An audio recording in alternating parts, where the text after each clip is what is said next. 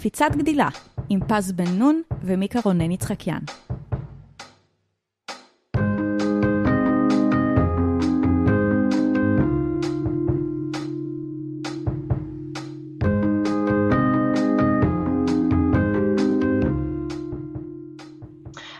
אני פז, אני מנהלת product marketing בחברת הייטק, אני סופר מתרגשת מהפרק של היום ותכף תגלו למה, ואני אימא. אנחנו קפיצת גדילה ואנחנו פה לדבר על מה שאנחנו יודעות, מה שאנחנו מנחשות, מה שאנחנו לא יודעות, כאן כדי לתת לכם להרגיש נורמליות גם כשזה מרגיש הכי לבד, וזכרו, כל קפיצת גדילה היא לא באג, היא פיצ'ר. התחלנו. אה, אני רוצה להגיד שלום למאיה גור, שהיא אה, מפתחת יכולות מקצועיות ואישיות לעולם העבודה החדש, וגם אושיית אינסטגרם שאני אובססיבית אליה בכנות מוחלטת, כאילו גרופית בקטע לא נעים, וגם מקדמת נשים במקום העבודה.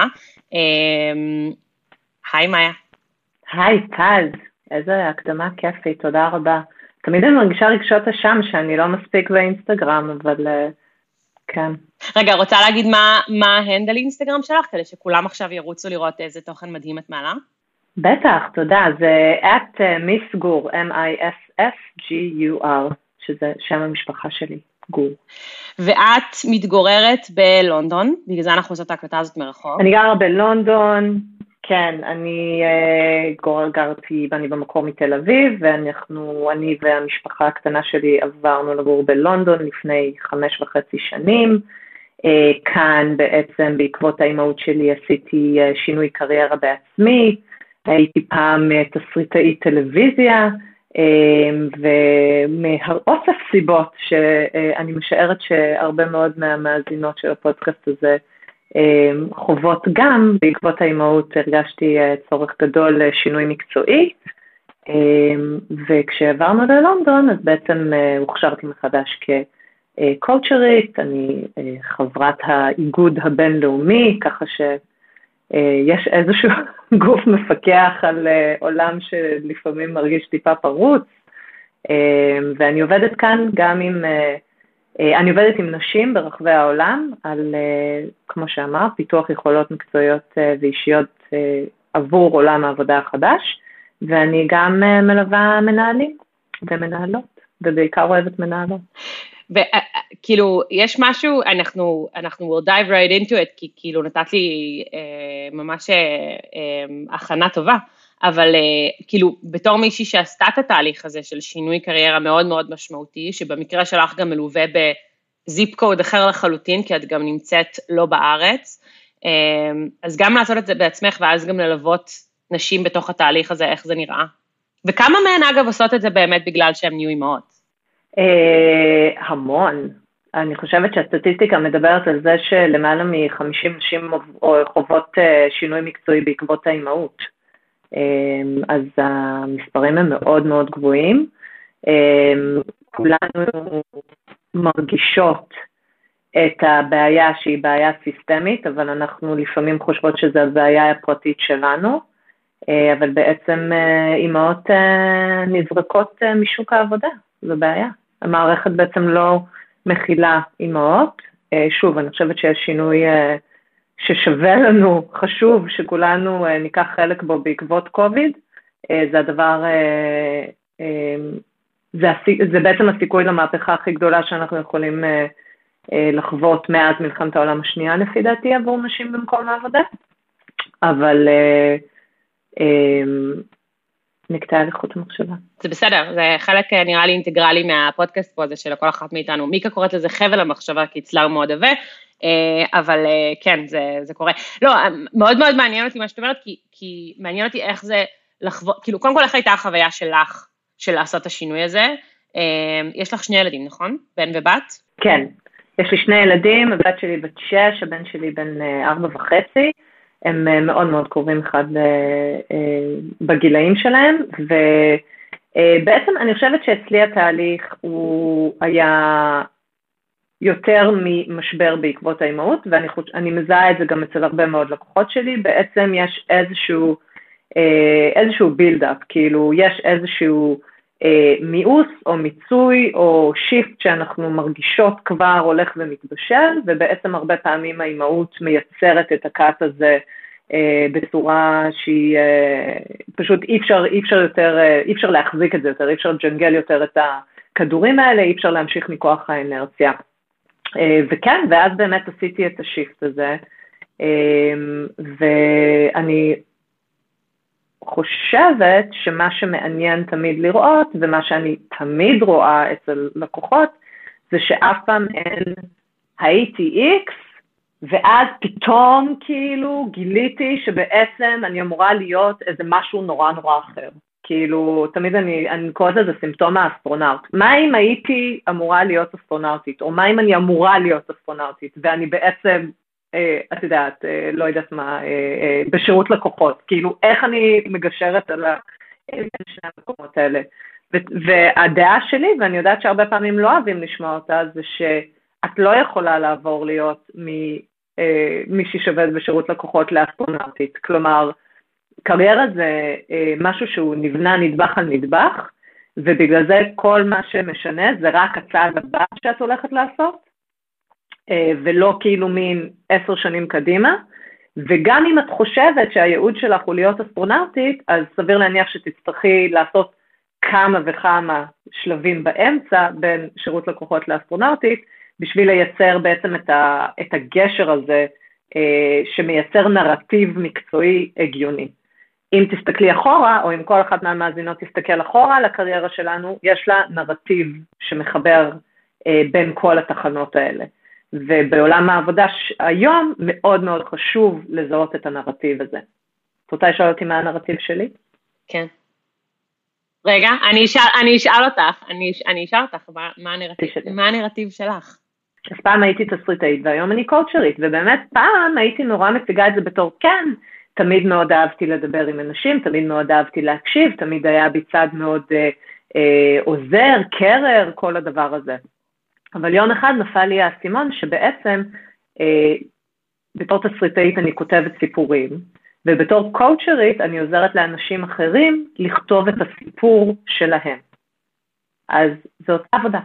Uh, מעניין אותי, אני אשאל שאלה שהיא אולי קצת, קצת פולשנית, אבל כאילו ת, תרגישי בנוח לעצור. כאילו, אני מסתכלת על נגיד לצורך העניין עבודה של תסריטאות, ואני תוהה uh, uh, כמה קשה להיות אימא ולהיות תסריטאית ביחד. זאת אומרת, השינוי שאת מדברת עליו במקרה שלך הוא לא שינוי שנבע מקושי, אולי אני טועה, אלא הוא, כאילו, זאת אומרת, מה, מהניסיון לשלב עבודה עם הקריירה הספציפית הזאת, אלא שינוי של באמת ההבנה של אני לא מספיק מסופקת במה שאני עושה כרגע, אני רוצה לעשות משהו אחר. כן, אני חושבת שזה היה שילוב. כמו שאת אומרת, זה לא שעבדתי בתור, אה, אה, וואו, לא יודעת, אה, אה, לא יודעת, יש לך רעיון? משהו שכאילו בלתי, הוא מאוד... כן, עבודה של 9 to 5, שאת, אה, שאת מחויבת למנהל להגיע ל-X שעות ביום, ו, וכאילו... נכון, זה פחות, זה פחות הייתה הסיטואציה שלי, למרות שאל תשכחי, תראי, הבעיה בסוג העבודות אה, אה, כמו תסריטאות או כמו עולם הטלוויזיה זה שהוא בעצם, זה עולמות של פרילנס, ובפרילנס זה קצת כזה או און או אוף, כלומר בתקופות שאין עבודה אז אין עבודה, ובתקופות שיש עבודה, העבודה היא נורא נורא נורא אינטנסיבית. אז זה להגיע לדדליינים, זה לנסוע לצילומים בחורים ברחבי העולם, אה, זה לשבת בחדרי עריכה, אה, וזה ימים ולילות מאוד מאוד ארוכים, וזה לא התאים ללייפסטייל שלי יותר. יחד עם זאת, לגמרי, זה כבר, כמו שאמרתי, זה נבנה לאט לאט, וכבר לא הייתי במקום שמספיק נהניתי מהעבודה עצמה. כתיבה, אבל לא נהניתי מה, אה, מהצינור ש, ש, ש, שעשיתי את זה עבורו. כלומר, רציתי לקחת את היכולות האלה למקום אחר. אמ, אני מאמינה שיש לנו מאזינות שאולי בנקודה הזאת יגידו, בואנה, אתן שתיכן שתי פריבילגיות שיש להן את היכולת לבוא ולקבל את ההחלטה הזאת אחרי שהן נהיו אימהות, לעשות שינוי קריירה. אבל מה אתן אומרות לאימהות שהפייצ'ק שלהן הוא מה שבפועל עוזר לה, אה, ליום-יום להתקיים. אה, לא שהפייצ'ק שלנו לא, לא, לא מניע את הדברים, אבל, אבל אני, ברור לי שלפחות אני מגיעה לשיחה הזאת במקום שהוא מאוד פריבילגי, של כזה בטח, לחקור מי אני רוצה להיות בעולם, האם אני רוצה להיות אסטרונאוטית, אבל, אבל כאילו כשאת פוגשת נשים בצומת הזאת, אז כמה מהן נמצאות בנעליים האלה וכמה מהן באמת יכולות לעשות את הליפ הזה? אני חושבת שקודם כל את לגמרי צודקת, ונשים שלא שואלות אותן את השאלות, לא שואלות את השאלות האלה, הן סביר להניח בסיטואציות שיש הרבה מאוד סיטואציות שבהן אין מקום לחקור את השאלות האלה, ובאמת את אה, צריכה מין לפרוט היום, להגיע ל... לפייצ'ק הבא שלך, וזה בסדר גמור, וזה full respect כאילו לנשים האלה, ואני באמת מסירה את הכובע בפני נשים שהם, הם, הם, they do the work, they do what they need to do, ואני רואה את זה כל יום, את יודעת, אני חיה בלונדון, הילדים שלי הולכים לבית ספר ציבורי, אנחנו מתראים פה ופוגשים חברים ואנשים שמגיעים מאין סוף סביבות ורקעים מאתגרים מסוגים שונים, ובסופו של דבר כל אחד צריך לעשות מה שהוא צריך לעשות.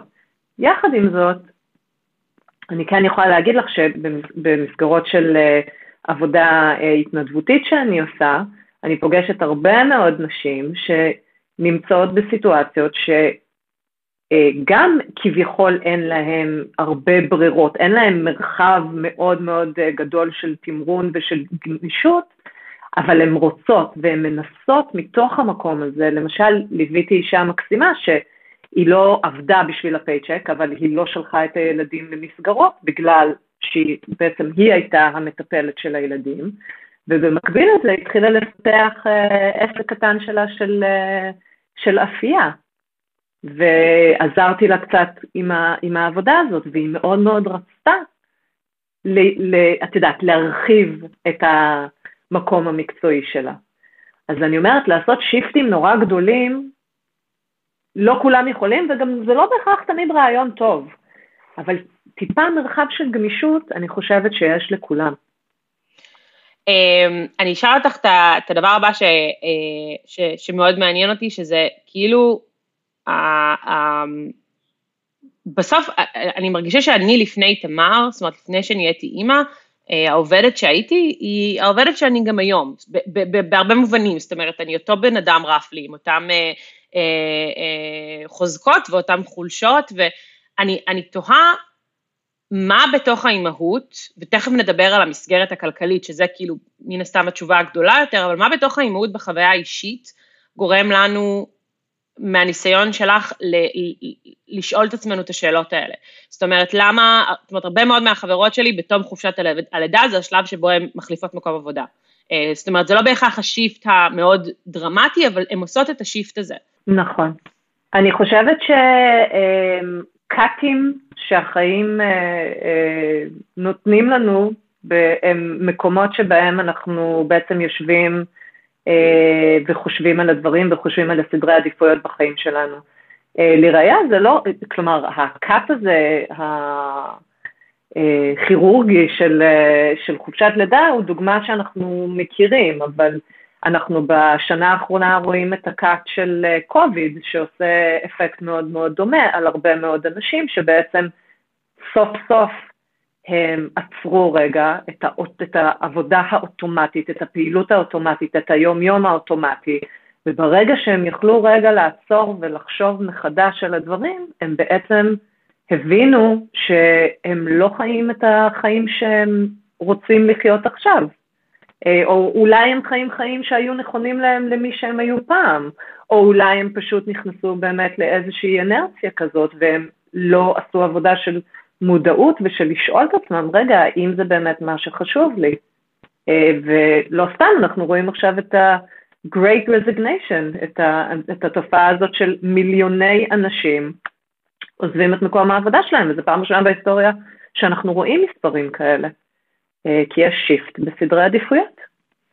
זה, זה מעניין, כי אני חושבת שמהבחינה הזאת זה בהחלט קיים, ו, ואני אשאיר את אותו שיר ששרתי מקודם לגבי זה שאני משערת שמי שמתאפשרת לו יכולת לעשות את ה shift הזה, זה מי שבאמת יכל לקבל את ההחלטה הזאת בצורה אה, אקטיבית, אה, אבל ה-COVID ונגזרותיו, אה, השפיעו גם מאוד, גם בצורה מאוד שלילית על נשים, או לפחות על, על כוח העבודה הנשי, היו גם כל מיני אמירות ממש בתוך הקוביד, שעכשיו אני מוצאתי, עשיתי קצת, אה, הסתכלתי קצת לקרוא לפני השיחה שלנו, שעכשיו אני מוצאת גם אה, שיש אנשים שלא לגמרי מסכימים עם זה, אבל שהייתה איזושהי טענה שזה ייקח את התנועה הפמיניסטית 20 שנה אחורה. נכון. ומעניין אותי מאוד, כאילו כמה מהאנשים שאת נפגשת איתם היום, שעושות את השינוי הזה, עושות אותו דווקא מתוך הכרח, שזה אגב גם לא בהכרח דבר רע, אבל שלצורך העניין חולטו ועכשיו צריכות לעשות איזשהו שינוי בצורה שבה הן תופסות פרנסה, או בצורה שבה הן תופסות את עצמן, תלוי במצב הכלכלי שלהן מן הסתם. אמ, אני חושבת שזו שאלה נורא נורא מעניינת, ואני חושבת שקצת קשה להתייחס אליה ברגע הזה בזמן, כי אנחנו צריכים עוד קצת זמן. כאילו זה קצת כזה לעשות פוסט אה, מורטום למשהו שאנחנו עוד בתוכו.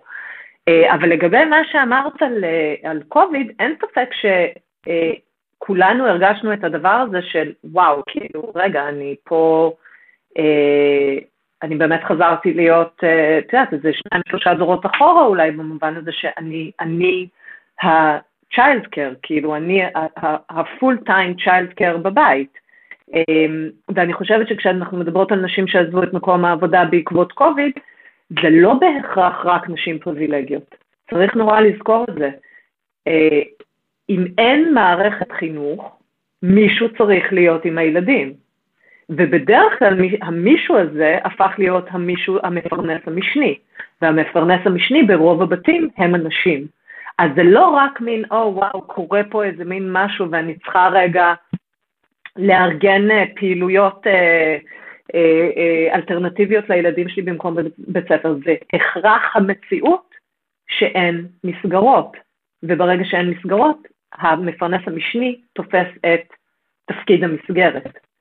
אה, מה שעוד רציתי אבל להגיד בהקשר הזה, זה שלמרות, שאני, שלמרות שכמובן זה לקח הרבה מאוד נשים חזרה הביתה וחזרה לטיפול 100% בילדים ובבית, אני נורא חשוב שנזכור ונורא נורא נורא חשוב שכל אחד, לפי דעתי, שכל אחת מאיתנו ב space הפרטי שלה תצטרף ותתגייס לטובת המהפכה הכי חשובה שקוביד עשה, שזה המוות של המוסד הכי שוביניסטי, שהוא המשרד.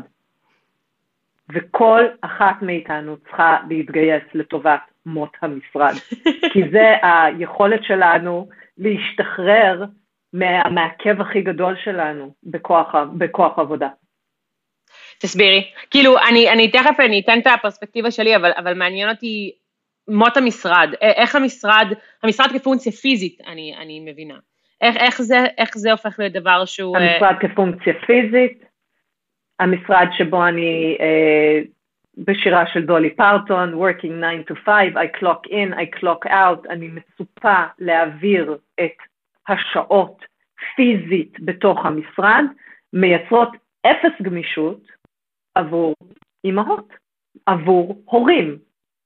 ואז ברגע שאין את הגמישות, כי את יודעת, נכון, יש את ההמצאה הישראלית שנקראת משרת אם, אני מקווה שכולנו מבינים שזו המצאה ישראלית, זה לא קיים במקומות אחרים. את יכולה לעבוד משרה חלקית, כולנו יודעים שאין גם כזה דבר משרה חלקית, זה חצי כסף ומלוא האחריות. כלומר, כל הפתרונות הנשיים האלה הם לא פותרים את הבעיה האקוטית ביותר, הם לא פותרים את זה שאין, שאנחנו לא שווי זכויות בעולם העבודה.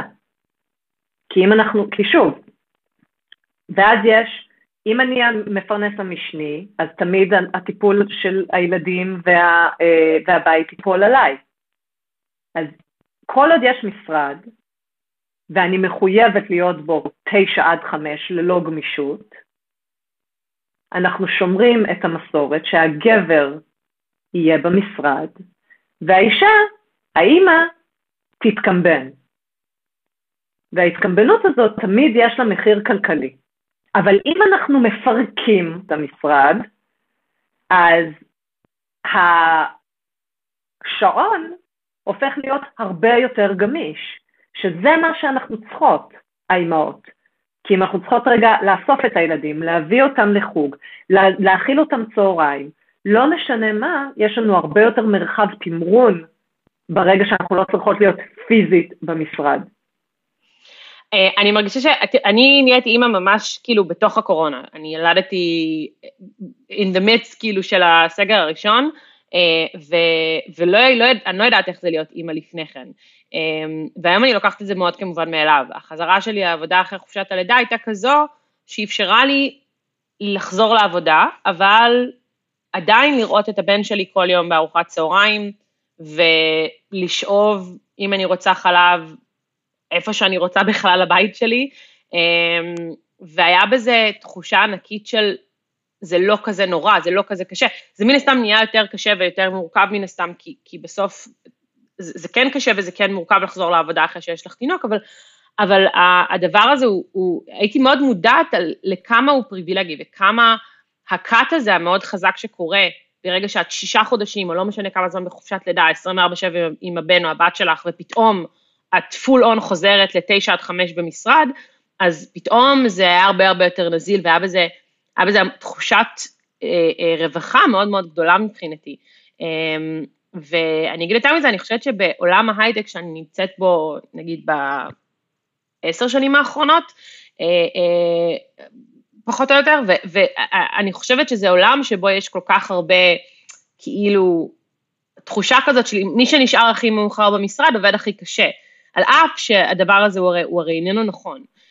בסוף, אני הרבה פעמים יעילה בהרבה יותר כשאני בשקט שלי, בבית שלי, בלי שאף אחד נכנס לרגע למשרד ואומר לי, אה, אה, יש לזה חסרונות גם, אגב, כי בסוף אין גבולות, כאילו יום העבודה שבעבר לצורך העניין, אצלי לפחות, היו לי גבולות מאוד ברורים שבלצורך העניין חמש וחצי, שש, מתי שסיימתי, סיימתי, עכשיו פתאום בגלל שיום העבודה הוא כאילו מאוד מאוד נזיל, אה, אין עבודה, אין, אין ממש התחלה וסוף, אני יכולה למצוא את עצמי עולה לשיחות בשמונה בערב ובתשע בערב, סיפור אמיתי של אתמול בערב. אה, מצד שני, אני יכולה להרשות לעצמי איך לקחת את הבן שלי מהגן ולהיות איתו איזה שעה וחצי אה, ולאכול את הצהריים וכאילו וכאלה.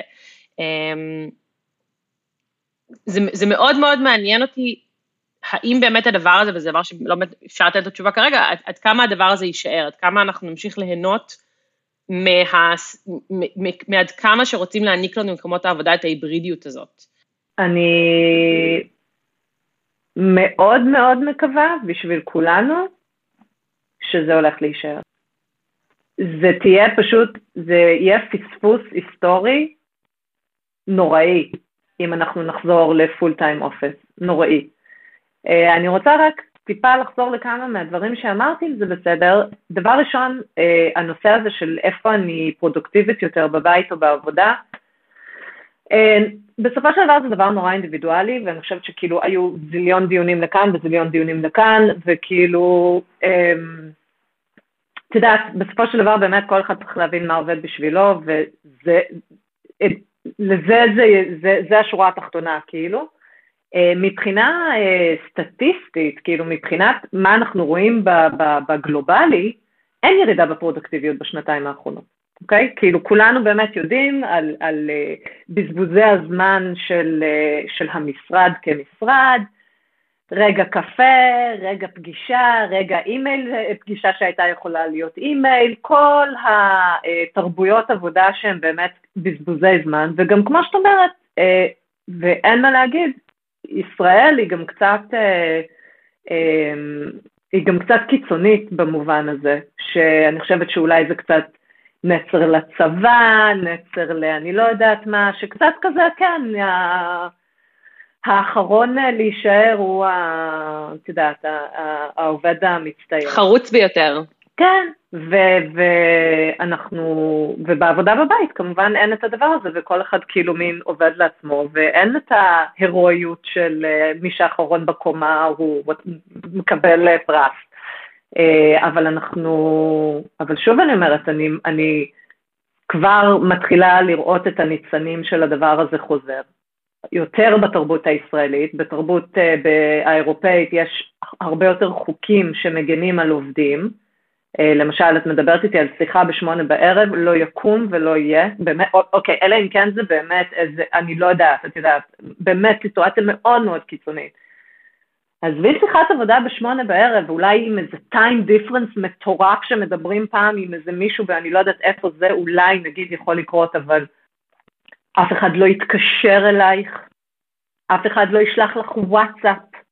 זה חוצה את גבולות תרבות העבודה ואת ה... אה, אה, לכבד את זה שהאדם הוא ישות עגולה, מורכבת, רבת זהויות, והוא לא זמין לה בישות המקצועית שלו 24 שעות ביממה. יש Slack, יש פתרונות טכנולוגיים לאיפה, מה הערוצים שמשתמשים בהם אה, בשביל לדבר על עבודה, ומה השעות שלהם. וסלק עצמה עכשיו, אני לא יודעת כמה, אתם, אה, כמה את אה, משתמשת בסלק, אבל סלק עצמה היא מתגייסת מאוד לטובת שמירת על בין אם זו שפה שמשתמשים בה, את מכירה את, ה, את כל הפונקציות שהם העלו? כן. את לא יכולה למשל אפילו לכתוב היי גייז, סלק יציע לך, גייז זה לא מילה שאנחנו, it's not an inclusive word, זה לא מילה שהרבה, שכל האנשים מזדהים איתה. נסו לחשוב על מילים אחרות שהן עשויות להיות פחות פוגעניות.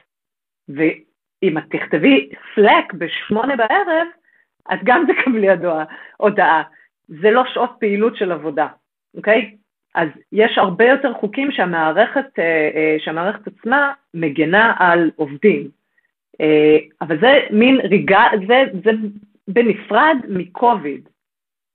כאילו, אני מרגישה שעכשיו יש פה שני נושאים, גם הגמישות, אבל גם הגבולות של מה זה בכלל יום עבודה, הם צריכים להיקבע ממקום אחר, לא בגלל שאה, טוב, אם אנחנו עובדים בבית אז אנחנו עובדים כל הזמן. לא. אנחנו צריכים לשים את הגבולות בשני המקומות האלה. אגב, אני חושבת שכל הנושא של גבולות הזה הוא בכלל דבר שאני לא חושבת שהייתי מודעת אליו, הייתי מודעת אליו, אבל לא באמת הייתה לי איזושהי, אה, היה לי איזשהו ניסיון לטכס את זה, אפילו בפני עצמי, עד שנהיה לי ילד. כלומר, ואגב, אחרי שאני הפכתי לאימא, אז פתאום הרגשתי שאני, ספציפית בתרבות העבודה הישראלית, שהיא כזאת של, אה, אני לא אשכח שמישהו אמר לי פעם, אה, היינו במשרד עד נורא מאוחר, עוד לא הייתי אימא, ואמרתי לו, וואי, כאילו כבר שבע וחצי בערב, אתה לא רוצה כאילו ללכת לראות את הילדים שלך לפני שבע וחצי לישון, והוא כזה, לא, לא, לא, לא, אני מחכה עד שאשתי תסיים איתם אמבטיות וכאלה, כאילו, אני רוצה להגיע אחרי שהם כבר במיטה. שכאילו, עזבי שזה דבר איום ונורא להגיד, כי כאילו, דוד, הבאת אותם בשביל ש... אבל, אבל אה, אה, אני חושבת שספציפית בתרבות העבודה הישראלית, את מתחילה להפנים שצריך גבולות רק אחרי שאת נהיית אימא, ואני חושבת שזאת בעיה, כי כי הגבולות האלה הם חשובים ריגרדלס לאם יש לך ילד או לא, ואם את יודעת... לגמרי. לה... ואם את יודעת להטמיע אותם או לדרוש אותם לפני כן, אמ, אני זוכרת שבפעם הראשונה שאמרתי, שומעים, אני לא יכולה לעלות לשיחה בשש וחצי, איתמר היה תינוק, אז אמרו לי כזה, וואי, כאילו, מאז שהפכת לאימא, כזה מיין בכזה חצי בדיחה כזאת, והרגשתי נורא, הרגשתי כמו העובדת הכי גרועה בעולם, הרגשתי שאני לא עומדת בסטנדרטים של פז שלפני איתמר, ומה זה אומר עליי בשוק העבודה הזה. אה, ואיך אני משווה, איך אני בהשוואה לקולגה הגבר שמולי, שאגב גם לא יש ילד, אבל אין לו שום בעיה לעלות בשבע בערב לשיחה. לגמרי, נכון. אני חושבת, אה, את, את, את מאוד מאוד מאוד צודקת. קודם כל, הנושא הזה של גבולות במקום העבודה, הם לא רק עבור הורים, הם עבור, שוב, ההבנה שבן אדם הוא לא שווה לעבודה שלו. יש לו עוד חלקים, ויש לו עוד זהויות, ויש לו עוד מחויבויות, ויש לו עוד אהבות, ויש לו עוד תשוקות, והם לגיטימיים. הם לגיטימיים. אנחנו, ואני חושבת שוב שהרבה פעמים בתרבות הישראלית זה קצת כזה עדיין באווירת, באנו להקים את המדינה. את יודעת, יש איזו תחושת אה, הישרדות, ואם אנחנו לא כאילו נבנה, נבנה, נעשה, נעשה, נעבוד, נעבוד, נעבוד, אז הדבר הזה יתפרק. ואנחנו, אה, ואנחנו לא עד הסוף מאפשרים לחלקים אחרים ב, ב, בחיים שלנו באמת לבוא לידי ביטוי. אנחנו מדחיקים אותם או מצניעים אותם או, חוש... או מתביישים בהם אפילו. אה, וזה, וזה לא צריך להיות ככה. ואגב, בחזרה ל-Great Resignation, שדווקא מי שמוביל אותה זה ג'ן זי, זה, זה החבר'ה צעירים, זה אנשים שהם היום כזה באמצע סוף שנות ה-20 שלהם, ולהם מתחילה להיות ההבנה הזאת. הם רואים את הדורות לפניהם, הם אומרים, מה זה החרא הזה? אבא שלי, בן 72, הוא מפחד לפרוש, למה? כי הוא לא בנה לעצמו ואף פעם לא היה לו חיים וזהות ומשמעות מחוץ לעבודה. אבל מסתכל על זה ילד בן 25 ואומר, רגע, לא הבנתי, החיים שלי זה העבודה שלי? לא מתאים לי. אני רוצה לעשות דברים אחרים, אני רוצה לייצר לעצמי זהות אחרת, נפרדת ממש, מהעבודה שלי. ואין לו מודלים לראות את זה.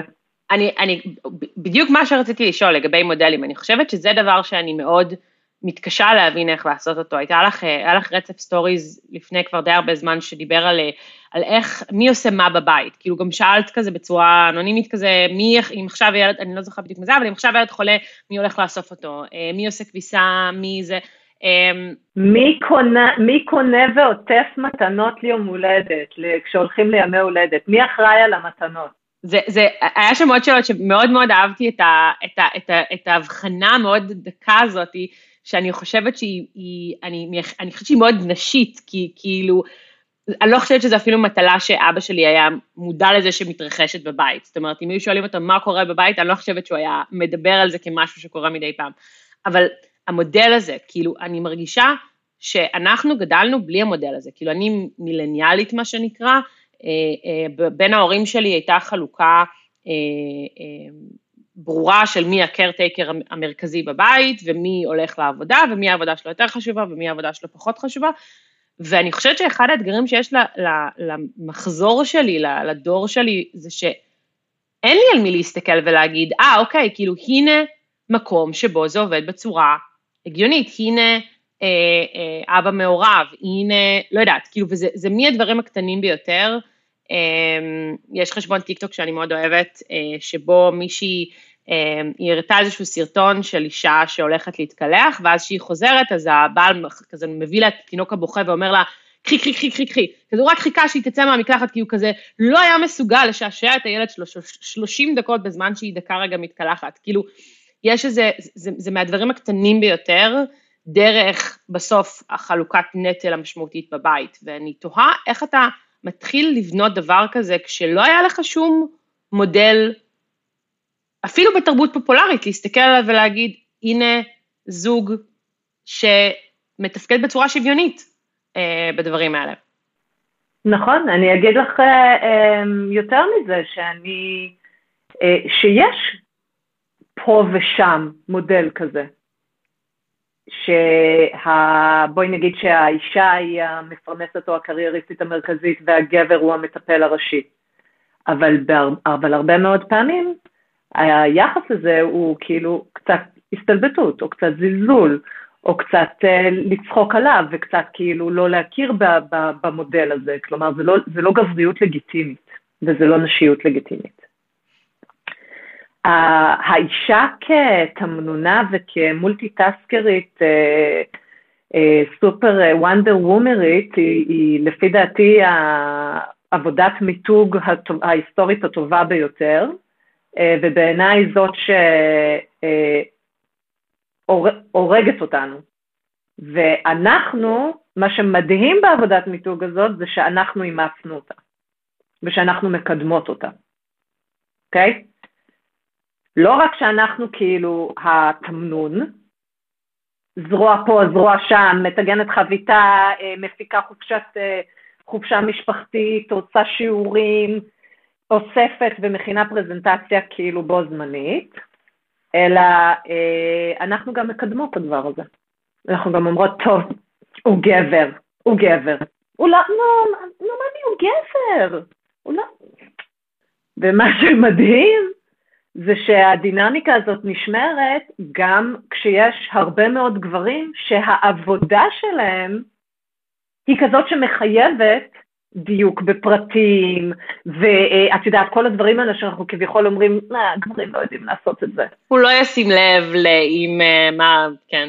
מה, מי הוא שלח אותה? נו, מה ציפית שהוא יחליף, שהוא יוציא אותה מהפיג'מות? נו, הוא לא יודע מה ההבדל בין פיג'מה לחולצה. נו, הוא לא יודע מה ההבדל בין יום שלישי ליום חמישי. אבל בעבודה הוא יודע מצוין את הדברים האלה.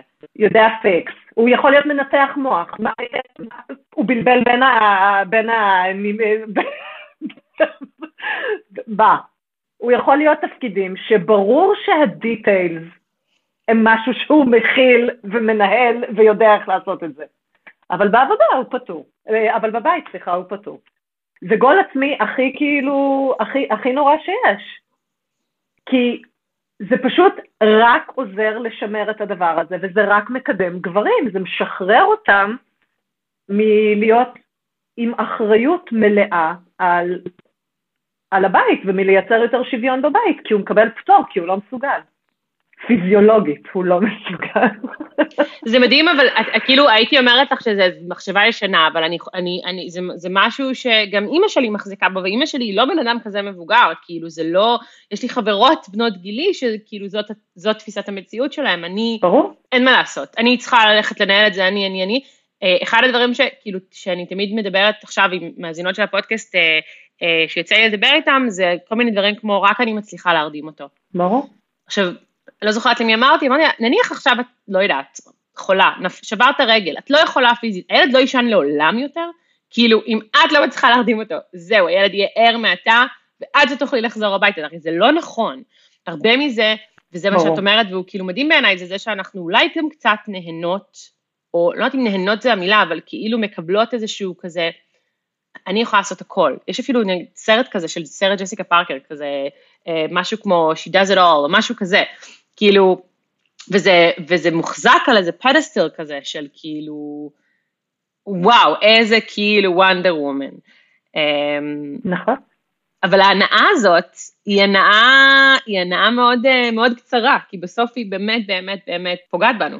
היא מתפוצצת לנו בפרצוף, כי כל המחקרים על מה שנקרא multitasking ברמות השונות שלו, הוא פוגע בנשים וגברים בדיוק באותה מידה, כן? את לא באמת יכולה לעשות הכל. לא, משהו נופל, משהו נופל, אי אפשר.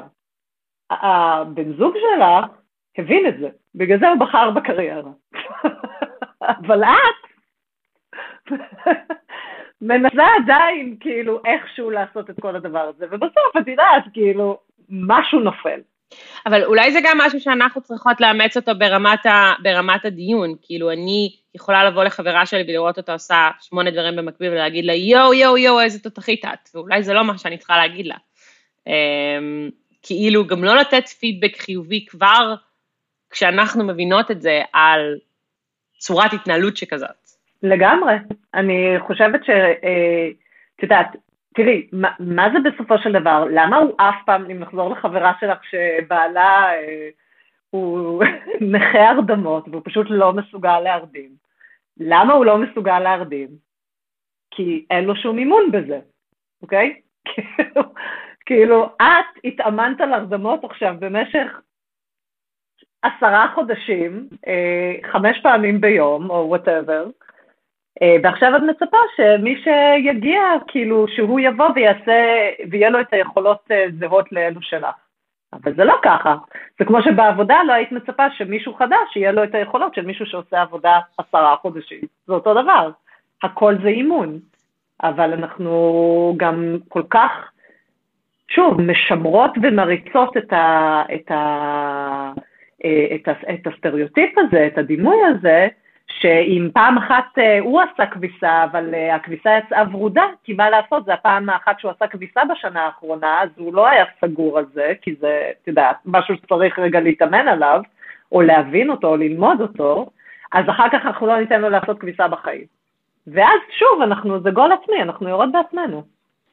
אה, מתוך ה stories שעשית, כמה מהאנשים שראית, כאילו ברמת ה data נקרא לזה, אה, תפסו את עצמן כחלק מזוגיות שוויונית, אבל אז ב breakdown של השאלות, פתאום גילו שלא כן, בדיוק ככה המצב. זה, את יודעת, אני לא, אני לא זוכרת את המספרים, אבל למעלה מ-80 אחוז בטוח.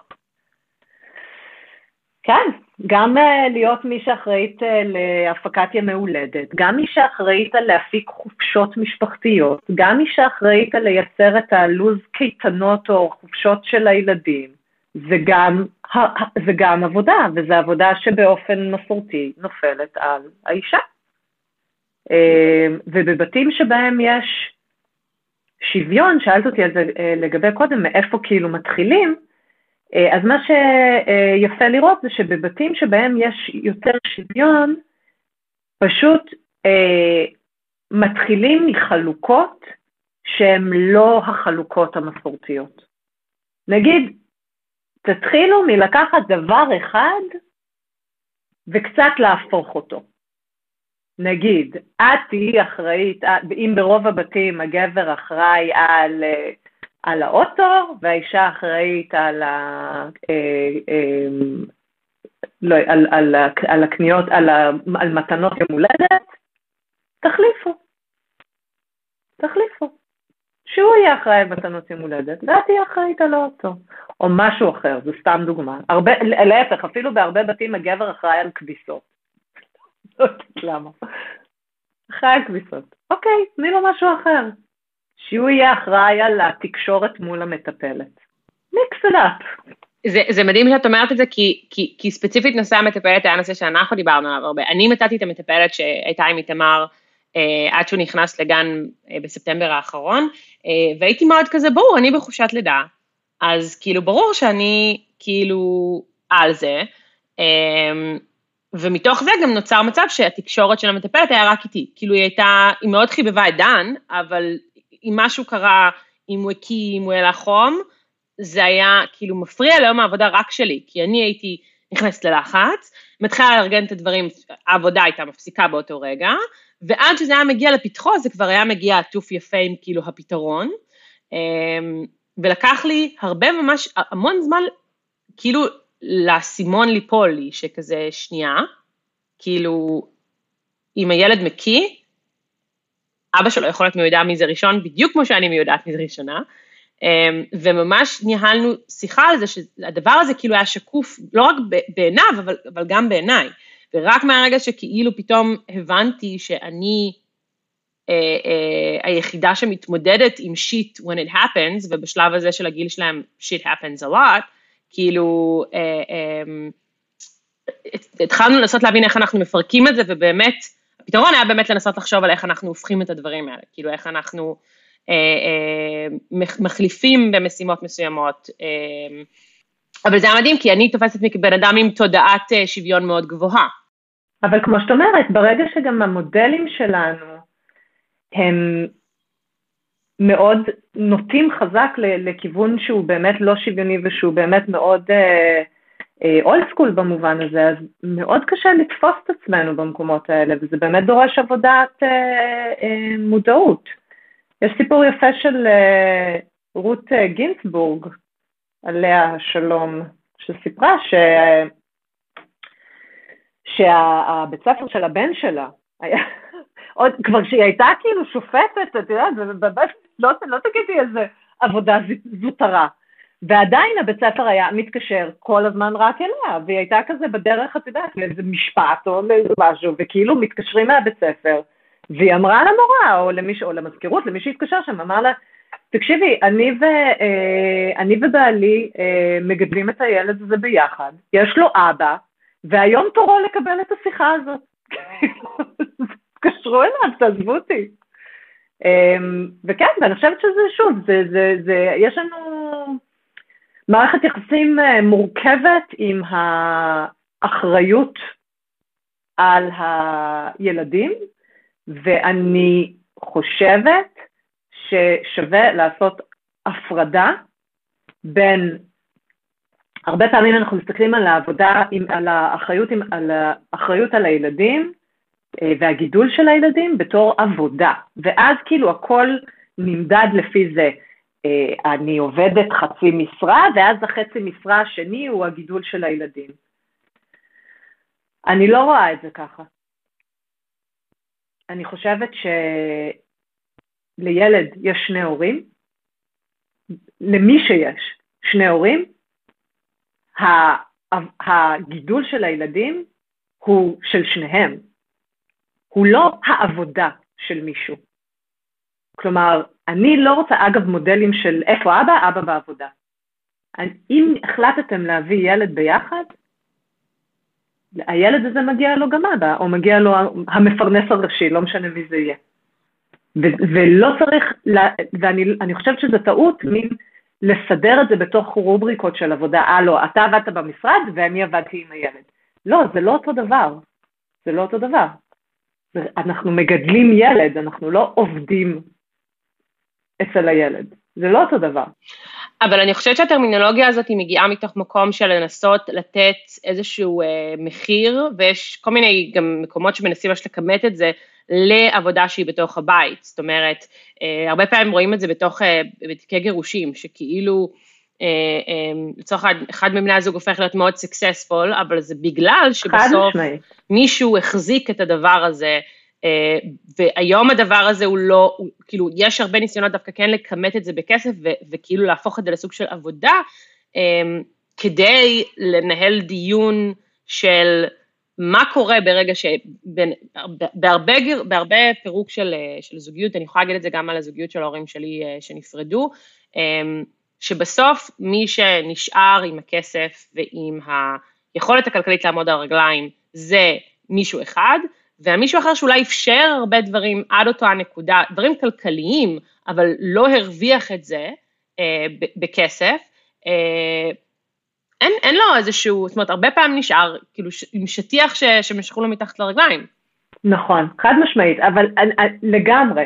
אבל אני חושבת שאלה שני נושאים שונים. אני חושבת שאנשים שמחליטים להביא ילדים, רוצים גם, צריכים גם לרצות לגדל את הילדים האלה, אוקיי? והאקסיומה הזאת של, טוב, אשתי תגדל אותם, אבל אני תכלס במשרד ואני אבוא לראות אותם כמו הקולגה שלך, לא, לא, לא, אני אבוא לראות אותם אחרי. אז למה הבאת ילדים? למה? אם אתה רוצה להיות אבא, אתה לא רוצה לראות אותם? ו- ומפה אני חושבת, אז אם אתה רוצה לראות אותם, אז איך אתה יכול לראות אותם כל יום בתשע בערב? אז אם אתה רוצה להיות אבא, האם באמת אבא לא יכול, האם אתה לא יכול להיות, האם, האם אתה לא יכול גם לעבוד וגם לא להיות עד תשע בערב במשרד? האם אין אפשרות לעשות את הדברים בצורה אחרת? יש. השנתיים האחרונות הוכיחו לנו שאפשר, לגמרי אפשר.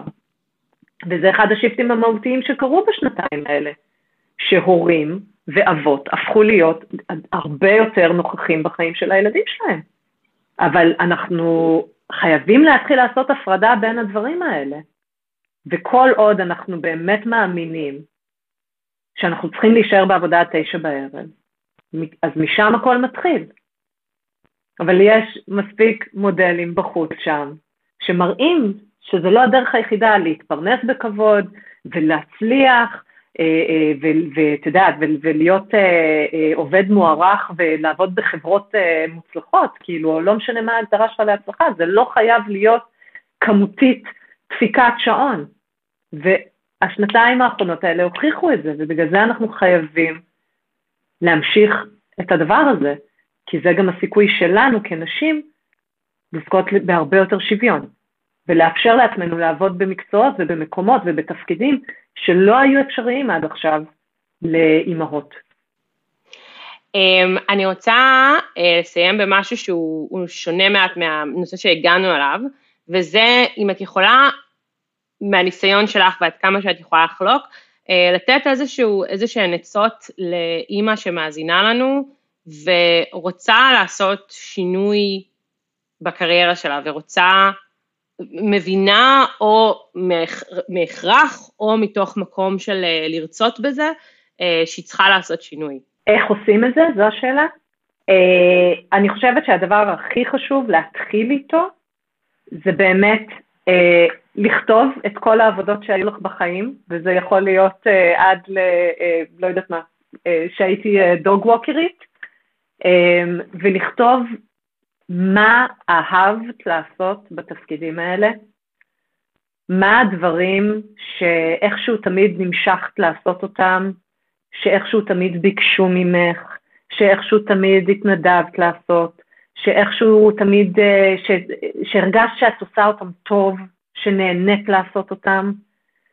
ואת הרשימה הזאת הייתי כאילו ממש פורסת אותה, ומנסה להבין מה זה הדברים האלה. וכשהייתי מוצאת את המילים למה זה הדברים האלה, הייתי מבינה שלא משנה מה, הדבר הבא חייב להיות באזור של זה, חייב להביא את זה לידי ביטוי. אלה חייבים להיות חלק מדרישות התפקיד. אמ, והדבר הבא שהייתי עושה, עם ההבנה של מה היכולות שלי ומה החוזקות שלי ומה אני רוצה לעשות, איזה סוג של עבודה אני רוצה לעשות, זה שהייתי אה, עושה רשימה של כל האנשים שאני מכירה, שאני יודעת מה הם עושים, שאין לי מושג מה הם עושים, שהם עושים איזה משהו שאני לא באמת, אה, לא, לא יודעת, איזה חברה עם איזה שם עלום שאני לא באמת יודעת מה, מה, מה היא עושה. הייתי עושה רשימה של כל האנשים האלה, והייתי אה, אומרת להם ככה, היי, זאת מאיה, אני מחפשת את הצעד המקצועי הבא שלי, אני ממש אודה לך אם תוכלי להקדיש לי 20 דקות לשיחה, להתייעצות. ומתחילה משם, לשמוע, לשמוע, להבין, להבין, להבין. להבין איפה אני נמצאת, לראות מה מושך אותי, מה לא מושך אותי. תתחיל משם. מדהים. מדהים, אני, אני לא במקום הזה כרגע, ואני עדיין חושבת שאני הולכת לעשות את זה אחרי הפגישה הזאת. אמ, אה, ומיותר גם לציין שאת עושה את זה באופן מקצועי ומלווה נשים בתוך התהליכים האלה, ו, ושבסוף גם, גם יש ערך נורא נורא גדול ללעשות את זה בליווי של מישהו שבאמת ראה את זה ו, ויודע לתת את ההנחיה הנכונה, וכאילו, אני משתמשת בלשון זכר. זה בסדר, גם אני עוד כאן. אמהותיי הפמיניסטיות, הן הולכות להזדעזע. אה, אבל, אבל שבאמת יש גם אה, הרבה הרבה משמעות גם לליווי המקצועי. כן, ואני חושבת שיש בעיקר הרבה מאוד אה, משמעות למחויבות של, אה, של, של אה, לקוחות מול עצמן, של לבוא ולהגיד, אוקיי, עכשיו אני, יש לי שעה בשבוע, שבמקום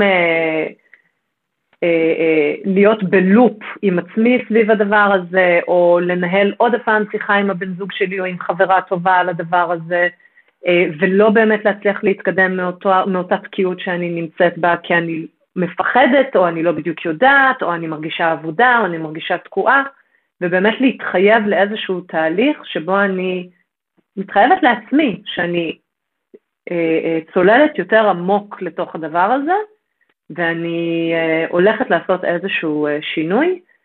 אה, זה ה, ה, ה, היתרון הכי גדול בתהליך כזה, לפי דעתי. המחויבות שלך מול עצמך. מדהים.